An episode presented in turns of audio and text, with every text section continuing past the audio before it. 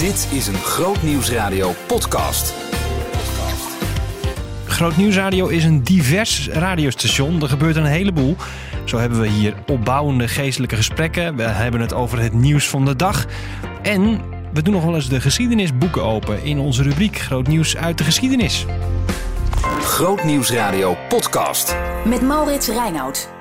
En dat zit allemaal in deze podcast van week 39 dus. Welkom bij de wekelijkse podcast van Groot Nieuwsradio... waarin we elke week even een paar fragmenten uitkiezen... om je te laten horen wat je allemaal gemist zou kunnen hebben deze week. Want ik weet niet hoe trouw jij bent als luisteraar van Groot Nieuws.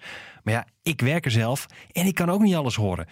En dan vind ik het fijn dat ik af en toe op vrijdag even eh, eh, alles erbij kan pakken... en kan kiezen wat wil ik jou laten horen. Er zitten drie mooie fragmenten in. Eentje daarvan is een uh, rubriek die we, nou ja, sinds september eigenlijk nieuw hebben. Er zijn nog maar een paar afleveringen geweest. Elke dinsdagochtend in de Nieuwe Morgen. Ons ochtendprogramma om vijf over half negen. Ik zou zeggen, zet een wekker. Want dan duiken we de geschiedenisboeken in. Dat doen we aan de hand van allerlei verschillende thema's met heel veel verschillende sprekers. Uh, Amerika kennen Wim Kranendonk bijvoorbeeld. Of Constant van de Heuvel, die geschiedenisleraar is op het uh, middelbaar onderwijs. Verder uh, in deze podcast um, gaan we met Jorike de natuur in, een wandeling maken met een wandelcoach.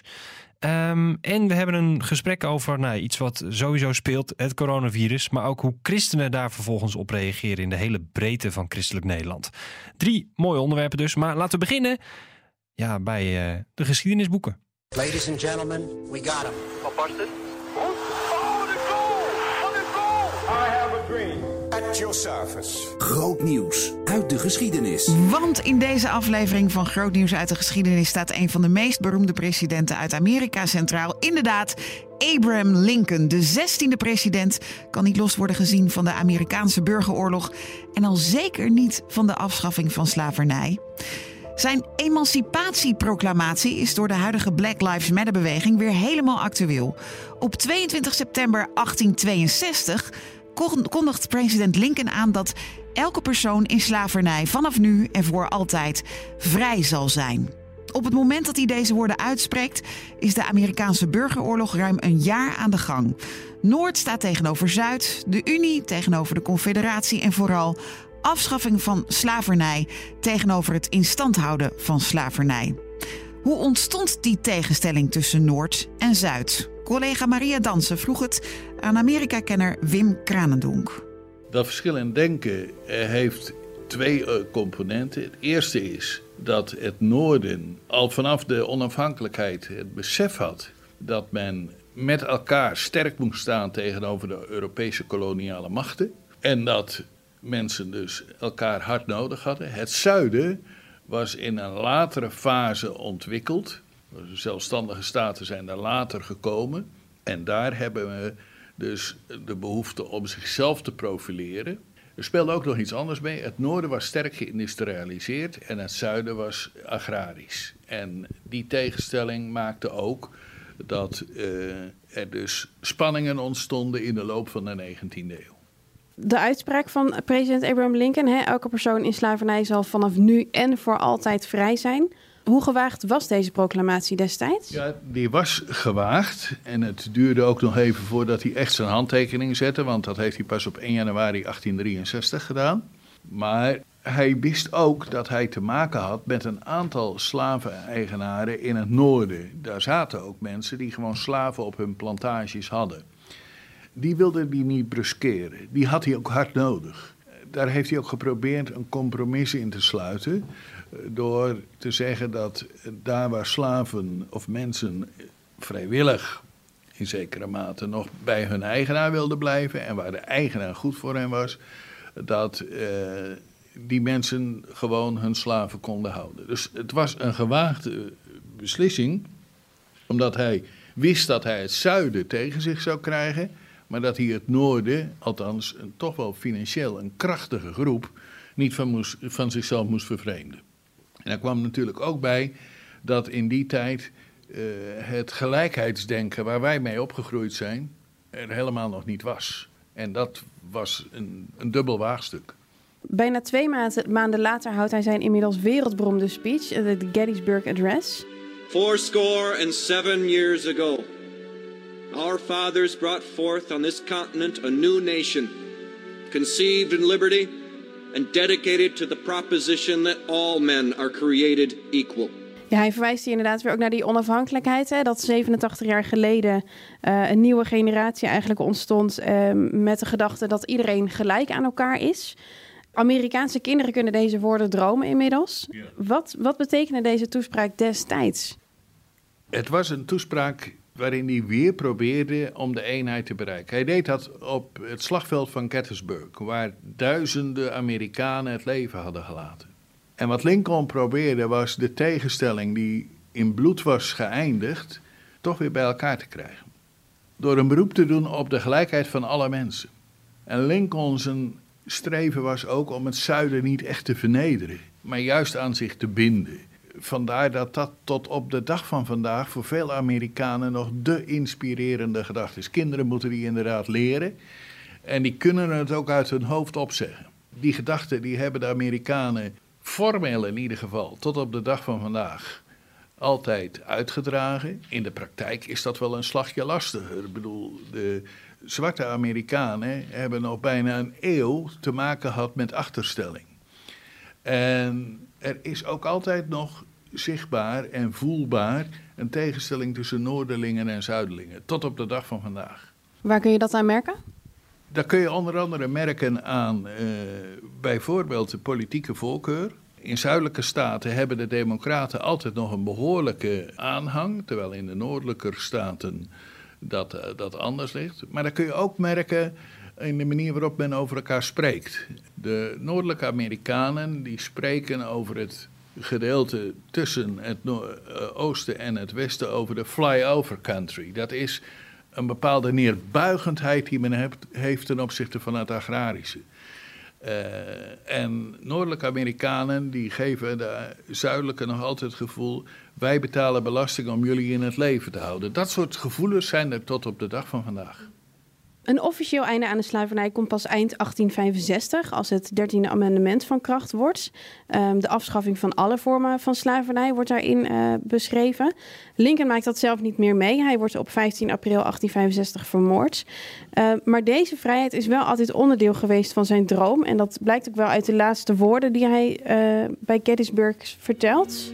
That we here highly resolve that these dead shall not have died in vain that this nation, under God, shall have a new birth of freedom, and that government of the people, by the people, for the people, shall not perish from the earth. Wij zijn zeer vastbesloten dat deze doden niet te vergeefs gestorven zijn en dat deze natie onder God een nieuwe vrijheid zal brengen. En dat de regering van het volk, door het volk en voor het volk niet van deze aarde zal vergaan. Hoe zou Abraham Lincoln, hij is voorvechter van gelijkheid, vrijheid voor iedereen, reageren op de huidige situatie in de Verenigde Staten? Hè? Met name de Black Lives Matter beweging en vooral waarom deze nodig is. Wat Lincoln heel veel pijn zal doen, is de verdeeldheid die op dit moment in de Amerikaanse samenleving uh, zichtbaar is. Het grote ideaal van uh, Lincoln is nog geen eens zozeer dat de zwarte medemens gelijk moet zijn aan de blanke, maar de eenheid onder de bevolking. En dat zou hem ontzettend pijn hebben gedaan. De gave die Lincoln had, was natuurlijk om als persoon mensen te verbinden. En dat is iets wat Amerika op dit moment nodig mist. Wim Kranendonk, Amerika-kenner in de rubriek uh, Groot Nieuws uit de Geschiedenis, die je dus elke dinsdagochtend kan horen bij Groot Nieuws Radio in de Nieuwe Morgen om vijf over half negen. Ja, uh, hij had het over hoe verdeeld Amerika is. Nederland is ook verdeeld, niet zo verdeeld als Amerika, maar toch wel verdeeld.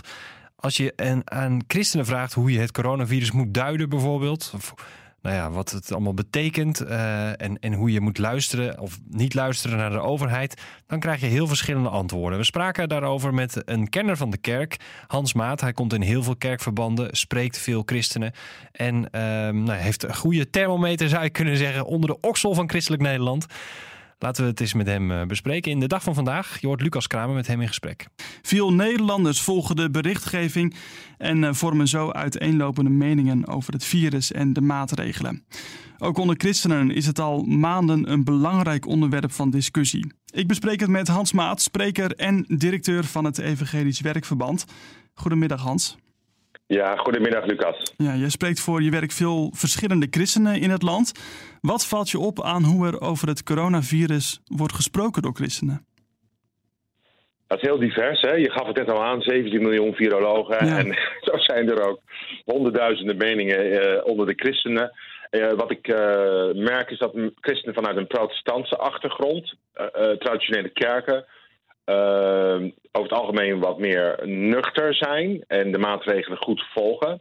Hoewel ze ook net zo angstig voelen als de rest van Nederland. En de andere kant is ook de evangelisch-charismatische christenen, waar ik ook veel, uh, me veel onder beweeg. Daar zie ik dus weer wat meer groeiend onbehagen en druk. Maar die hebben dan ook wat sterkere antennes voor dingen als profetie, de eindtijd, uh, ja. demonische uh, krachten en machten en zo. Ja. Nou, laten we dan inzoomen op die groep evangelisch-charismatische christenen. Waarom houdt, het, houdt de coronacrisis ja, deze christenen zo bezig, denk je?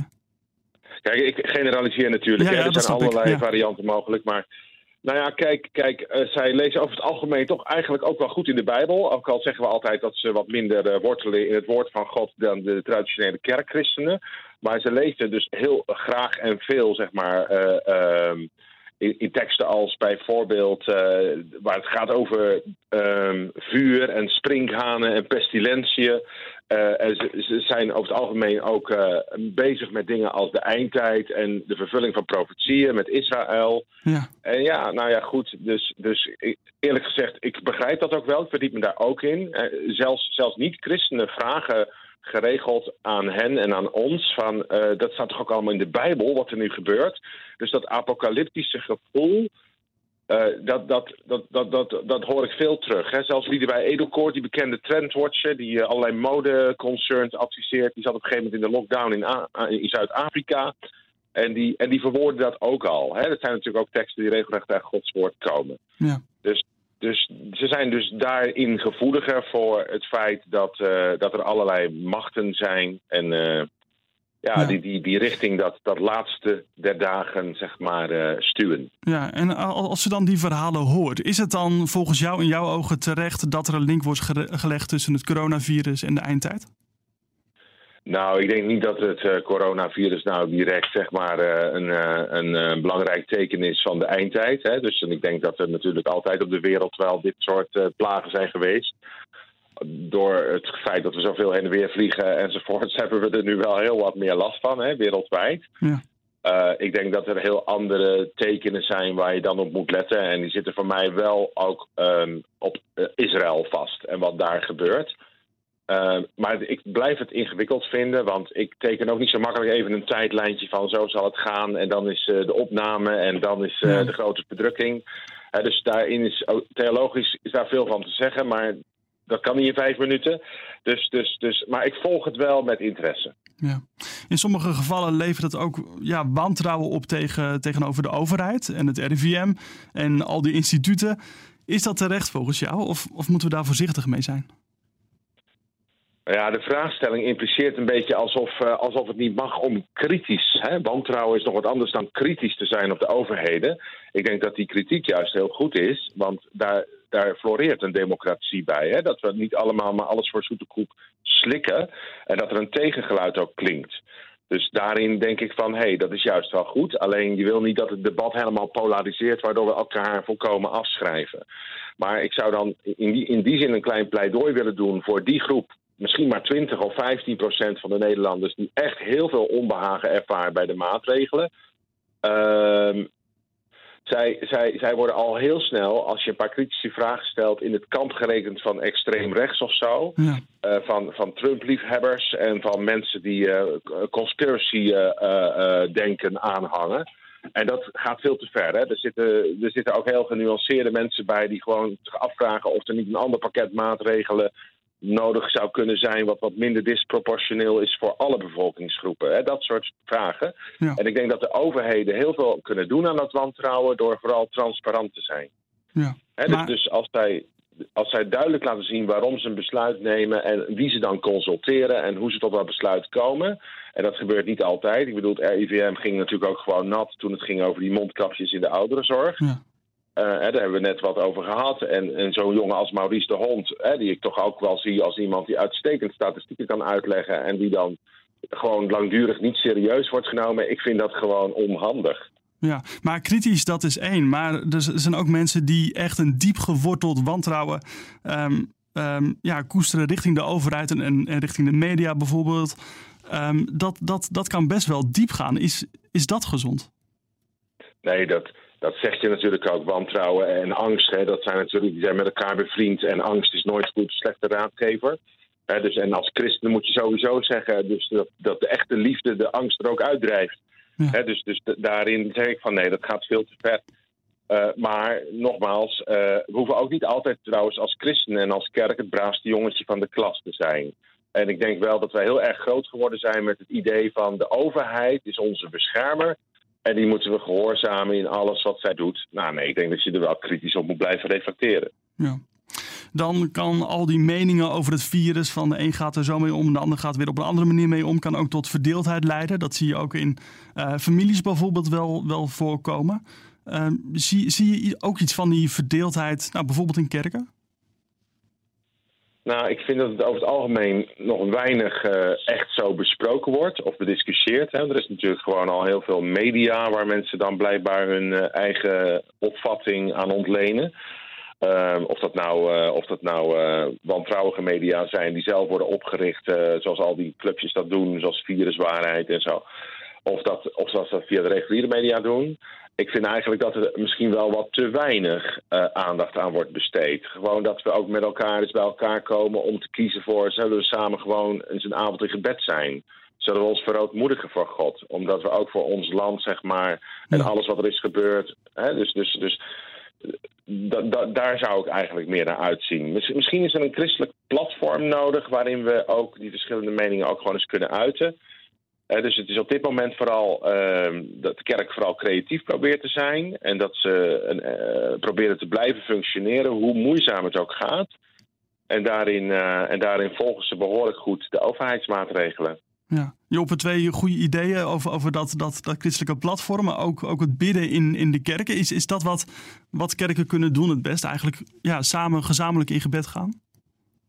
Nou, dat is altijd het allerbeste, denk ik. Ja. Want ik, bij God zijn alle antwoorden. En, uh, en ik denk eigenlijk uh, dat het ook belangrijk is om, de, om, om je hart en je gedachten, zoals de Bijbel dat zegt, te bewaren in Christus Jezus. Dus, dus, dus daarin zeg maar, moet je ook gewoon al je conspiracies of al je uh, ideeën die je hebt, zeg maar, ook weer overgeven en aan God overlaten. En ik geloof ook echt wel dat, dat, dat er dus eigenlijk nu heel veel ruimte is voor wat we dan de vijand noemen of, uh, of, of de duivel, zeg maar, om, om eigenlijk ook de kerk dwars te zitten. En dat hij daar misschien veel, heel veel plezier aan heeft. Maar ik geloof absoluut dat God daar iets tegenover zal zetten. Okay. dus, dus er komt ook weer een einde aan deze periode. En dan hoop ik echt op zo'n geweldige opleving. Dat, uh, dat we heel veel mensen ook in het koninkrijk kunnen brengen. Dat is eigenlijk waar, waar een kerk voor zou moeten staan. Je hoorde Hans Maat van het Evangelisch Werkverband in gesprek met Lucas Kramer in de dag van vandaag, vrijdagmiddag. Grootnieuwsradio podcast. Met Maurits Reinoud. Als radiomakers zitten we veel in de studio. Uh, zeker als je een praatprogramma hebt, is dat het geval. Maar hoe fijn is het om soms uit die studio te gaan, even een microfoon uit de kast te pakken en het land in te gaan om een gesprek te voeren met iemand, ja, misschien wel gewoon in de natuur. Wat, waarom niet? Ja, Jurike heeft het gedaan. Uh, ik heb het ook uh, verteld in de vorige podcast dat ze dat ging doen. Afgelopen dinsdag kon je dat horen. We delen in deze podcast even een kort uh, gedeelte van dat gesprek. Wat ze voeren met een wandelcoach. Ja, ik zou zeggen, wandel gewoon lekker mee. Wij zijn hier in het Zandenbos in Nunspeet. De woonplaats waar wij wonen, vlakbij ons huis. Een hele mooie plek in de natuur waar ik zelf ook heel graag kom om te wandelen. Ja, we zijn gewoon, ja, zo'n heerlijk op de Veluwe. Ja, ik hou, ik hou ervan bij het bos. En jij woont hier gewoon vlakbij. Ja, luxe hè. Het is echt genieten. Ja. En hoe vaak wandel jij zelf hier? Uh, nou, hier op deze plek. Um, een paar keer per week is wel mijn doel. Ik, uh, wandelen doe ik zelf meerdere keren per week. Ik denk dat ik hier zo'n twee of drie keer per week kom. En hoe lang ga je dan wandelen? Ehm, ja, nou, weet ik niet. Ik, ik meet dat niet op als ik wandel. Eh, maar meestal toch echt wel zeker een uurtje. En als ik meer tijd heb, dan, eh, ja, dan, dan pakken we een groot stuk van het bos en dan eh 1 à 2 uur.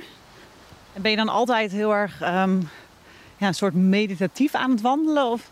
Ehm, nou, in principe vind ik het mooie van gaan wandelen dat je dus eigenlijk zonder doel gaat wandelen. Dat je dus gaat wandelen om te zijn. Dat, dat ervaar ik ook in het bos, dat ik echt te gast ben in het bos. Ehm, het bos eh, is, is rust. Ehm, of dat meditatief is, weet ik niet. Ik weet wel dat, dat mijn gedachten hier vaak wel tot rust komen en ook meer eh, op God gericht zijn. En eh, ik bid ook vaak tijdens wandelen. Ehm, het is echt een moment van rust bij God voor mij, vaak. We lopen op een mooie zandpad. Ja, midden in het bos. Het is wel echt. Nou, ik vind dit denk ik wel perfect wandelweer. Het zonnetje schijnt, blauwe lucht, niet te warm. Ja, nou dat is ook zo. En ik, ik merk dat zelf ook als ik, eh, als ik wandel, dat zeker als de zon schijnt, dat doet ook wat. Hè? Dat, ehm, dat geeft ook een stukje warmte, een stukje openheid. Eh, ik zie het ook vaak als een stukje liefde van God. Ehm, maar ik geniet er ook heel erg van om door alle seizoenen te wandelen. Dat is toch ook wel mijn hart, dat het bos ook leeft en door de seizoenen heen leeft. En, In eh, storm en gure wind, Ja. regen. ja, ja, ik vind dat juist heel mooi. Ook het mooie van een bos, die straalt daarin ook de stabiliteit uit. Dat hij door alle seizoenen heen eh, overeind blijft en mee blijft bewegen. Dat vind ik altijd heel bemoedigend. Waarom? Nou, omdat dat ook... ehm, kijk, wij kennen zelf ook seizoenen in ons leven. We kennen de zonnige dagen, maar ook eh, de stormwinden en de, nou, de strijd. En dan toch de wetenschap dat we er zijn en dat we doorgaan en mee mogen bewegen door onze omstandigheden met God. Dus het geeft ook een stukje hoop. En als we hier zo, eh, zo lopen, we zijn aan het wandelen. Wat is nou eigenlijk een eh, ideaal wandeltempo? Langzaam. nee, dat is niet helemaal waar. Ik, ehm, ik denk daarin even in en, en twee, twee dingen. Ik, ik ben natuurlijk ook coach, dus ik wandel ook in de bossen. Eh, als ik alleen wandel, vind ik, ehm, kies ik soms ook een tempo wat bij me past. Dus dat kan zijn dat ik juist stevig vastberaden wil stappen. Eh, maar soms juist ook bewust vertragen. Met name op dagen dat je heel vol bent. Dat je weet van, oh, mijn tempo gaat eigenlijk weer een beetje de lucht in. Ehm, dan ga ik juist, dan dwing ik mezelf om echt langzaam te lopen. Alsof je daarin een soort ook, ja, jezelf aanspoort van, joh, weer terug naar het ontvangen, zeg maar. En soms heb je het nodig om even vastberaden de pas erin. Ja, is ook gewoon lekker soms. Gewoon even lekker doorstappen. Ja. Heb je nog andere voorbereidingstips? Eh, telefoon uit bijvoorbeeld? Of Telefoon thuis laten. nee, dat, ik moet heel eerlijk zeggen. gewoon lekker verdwalen in het bos? Ja, nee, ja, daar moet je van houden. ik, ehm, ja, weet je, het, het grappige is dat ik juist vind dat het wandelen, dat moet je doen. Dat is iets, nou wat ik zeg, ehm, waarin ik ook ervaar dat je bent, dat je eh, er mag zijn. Dus eh, wandeltips, ehm, kies gewoon een mooi gebied waar, waar je gewoon, eh, waar je je fijn voelt, waar je jezelf kan zijn. Ehm, een beetje de route kennen vind ik zelf wel prettig. Eh, en geniet van wat je ziet. Ontvang. Ik denk dat wij, en dat ervaar ik met het coachen ook wel eens, dat je vaak gelijk door wil. Wij, mensen willen vaak tempo en doelgericht. Maar als je echt leert wandelen, dan leer je denk ik ook ontvangen. En dus kijk gewoon vooral om je heen wat je ziet. En wat God je misschien ook daarin eh, wil geven. En dan nog even toch qua voorbereiding. Ik heb nu echt eh, schoenen aan alsof wij nu echt eh, gaan hiken. Heb ik jou daar? Echt mijn, mijn heerlijke wandelbergschoenen. Misschien een tikje overdreven, maar toch zijn goede schoenen belangrijk? Eh, ja, vind ik wel. Ehm, gewoon vooral omdat je, wat ik zo lekker vind, dat als je in een natuurgebied loopt, daar hou ik zelf heel erg van, waar je verschillende soorten structuren hebt als het gaat om de aarde. We lopen nu op een zandpad, eh, maar je kan op een grindpad, op een modderig pad. Dan is het gewoon heel fijn om met eh, stevige schoenen ook te voelen waar je loopt, zeg maar. Dat je, ja, ik vind een goede wandelschoen geeft mij echt het idee dat ik aan het wandelen ben. ja. Ja, dat, dat heb ik ook. Ik denk nu, ik, ik trok mijn schoenen aan en ik denk, daar gaan we. Ja, ja. precies. Nou, dat, eh, dat herken ik. Nou, je bent dus, um, Eline, je bent natuur- en wandelcoach. En je hebt ook een boek geschreven, Tijd om te groeien, wandelen met God. Ehm, ik hoor je nu al vol passie over wandelen praten. Hoe heb jij het wandelen ontdekt? Nou, ik heb eigenlijk het wandelen ontdekt toen ik in 2018 uh, in een burn-out kwam. En uh, ik het advies kreeg om te gaan wandelen. En dat heb ik te harte genomen. Ik ben elke dag gaan wandelen. Ook door weer en wind. Uh, ik wist, het is goed. dit is goed voor me. Dit ga ik doen. En toen ontdekte ik dat er toch een wonder in dat wandelen verborgen uh, lag. Want het wandelen zelf bracht mij ontspanning die ik zocht. Maar ik ontdekte ook dat in het wandelen heel veel van God ligt. Dat God niet rent, God niet holt en haast. En dat dus ook niet van ons vraagt. Um, Wat kan je vertellen, waarin liep jij vast? Uh, ik stond voor de klas. Ik stond 12 jaar voor de klas als basisschoolleerkracht. Ik deed gewoon eigenlijk simpelweg te veel.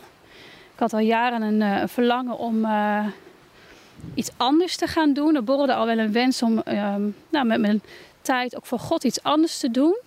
En in plaats van dat ik dat ging doen, ging ik heel veel erbij doen. dus ik ging taken doen in de kerk, in pastoraat, commissies en kreeg drie kinderen. En, je wilde ook wel echt voor God werken eigenlijk? Ja, ja, echt wel uit een verlangen, maar wel op een verkeerde manier. Ik deed te veel, stemde daarin ook niet altijd goed af met God, denk ik, achteraf gezien. Uh, mijn dagen zaten te vol. Ik zeg wel eens, ik, uh, ik werkte 365 dagen per week, waarbij af en toe een vrije dag viel.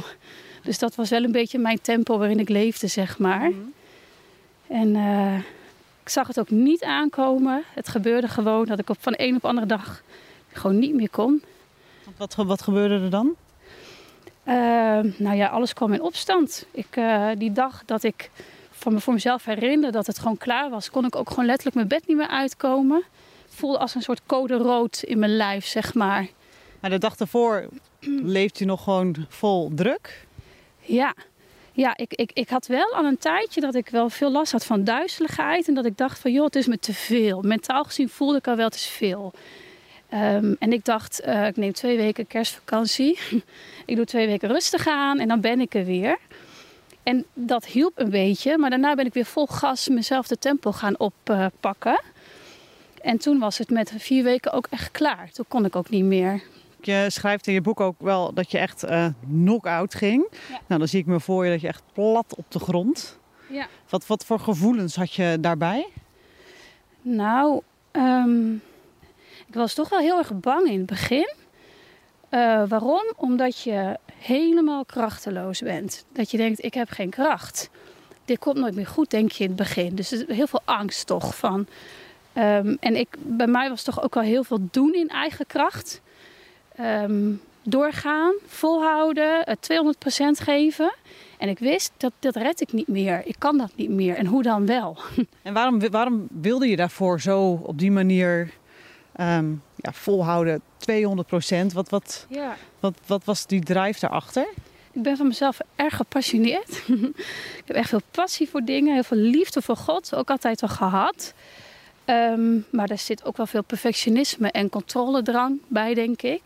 En ik denk ook wel dat ik um, de dingen met God deed en toch bang was om te falen. He, dat, daar, zit ook heel vaak faalangst onder. Die, perfectionist zit vaak ook die angst bij. Dat je de dingen uh, nou, niet goed doet of niet lukt. Dus ik was altijd bezig uh, in het vooruit te werken. Een paar stappen vooruit om te voorkomen dat iets zou mislukken. Nou, dat kost natuurlijk bakken vol met energie. Hoe, hoe kan dat? Dat je dus wel echt dan helemaal denkt en ervaart... oh ja, en, en je hoort er helemaal al jouw liefde voor God ook voor je, voor je bent oud. Dat je helemaal denkt, ja. het leven afhankelijkheid, afhankelijkheid en vertrouwen... maar dat het dus toch blijkt van, dat het niet zo is. Ja. Um, ik denk dat dat, nou, in mijn boek komt dat ook wel naar voren. Hè? Het wandelen in waarheid, het derde, tweede deel van mijn boek. Uh, als je het hebt over bolwerken, hè? waarheid en leugens herkennen. Dat een van de leugens dus bij mij was dat ik dacht, ik doe het met God, maar ik deed het vooral zelf. Hè? En ik, ik zie het wel eens voor me als een beeld van dat je hè, met je vuisten, zeg maar, je, je, je hand in één geklemd zegt, Heer God, geef me kracht vandaag voor wat ik moet doen. Dat. Dat je eigenlijk al voelde, ik heb eigenlijk de kracht niet. En ik ga heel hard werken om het te doen, maar ik vraag toch God om kracht. Dat klopt eigenlijk niet. En, en ik voelde al die jaren wel, er klopt inderdaad iets niet. Maar ik snapte nog niet wat. Daar was toch echt die burn-out wel voor nodig. En eigenlijk dus toen jij die, die dag dat je uh, eigenlijk ja, knock-out ging... Ja. wist je eigenlijk meteen van... Oh ja, je zag het niet aankomen, maar je wist meteen... oh, dit, dit is er aan de hand.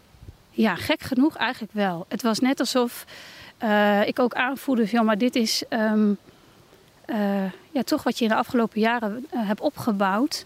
Ik voelde me niet schuldig, maar ik voelde wel dat het waar het vandaan kwam. En ik wist dus ook welke weg ik nog wel te gaan had daarin. En maakte dat het draaglijker of was het nog steeds gewoon heel zwart? Um, nou, het was zwart. Het is ook een hele zware tijd geweest. Maar het was wel draaglijk. Vooral ook omdat ik wel besefte van, um, dat God er was. We gaan dit samen doen. En dat het, hoe, hoe besefte je dat toen je zo plat op de grond eigenlijk een knock-out was geslagen van oh ja, ja, maar God is erbij, we gaan dit samen doen? Nou, dat heeft denk ik toch te maken met de jaren daarvoor. Dat vind ik het mooie van God, zo genadevol als Hij is, dat ook al gaan wij dus onze weg eh, met onze gebreken, hè, onze uh, dingen waarin we op eigen kracht leunen, uh, toch bouwt hij aan ons. En ik denk toch dat ik in de jaren daarvoor, als je het hebt over de metafoor van de boom, waar ik ook in mijn boek veel over spreek, is echt een van mijn favoriete metaforen, die geworteld is, dat ik dat toch wel ervoer. Dat er flinke storm in mijn leven kwam. Um, dat ik wist, ik, ik ben bij hem. Ik ben geliefd en ik ben geworteld in hem. Dus ik had wel dat basisvertrouwen van, um, ga er met God uitkomen.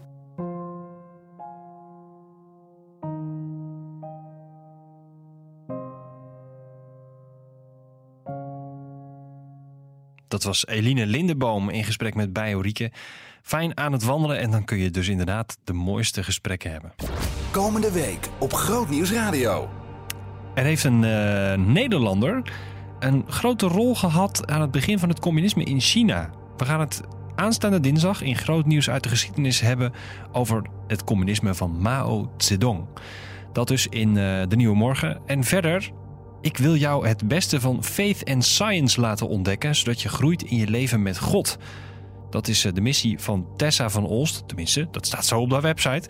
Onder het kopje Mijn Missie. Zij neemt plaats achter de microfoon bij Unies Nahuis in brandstof op maandagochtend. Dus luister lekker naar Groot Nieuwsradio. En luister ook naar alle andere podcasts van ons. Je vindt ze via grootnieuwsradio.nl slash podcast. En um, dan heb je bijvoorbeeld... Uh, zomaar iets nieuws ontdekt. Zoals de preek van de week. Dat is elke week een verse preek van de voorganger of predikant die voorgaat in de radiokerkdienst bij Groot Nieuws Radio. Je bent natuurlijk ook van harte welkom om dat live te beluisteren elke zondagochtend om 10 uur bij Groot Nieuws Radio. Tot volgende week. Behoefte aan meer? Grootnieuwsradio.nl slash podcast.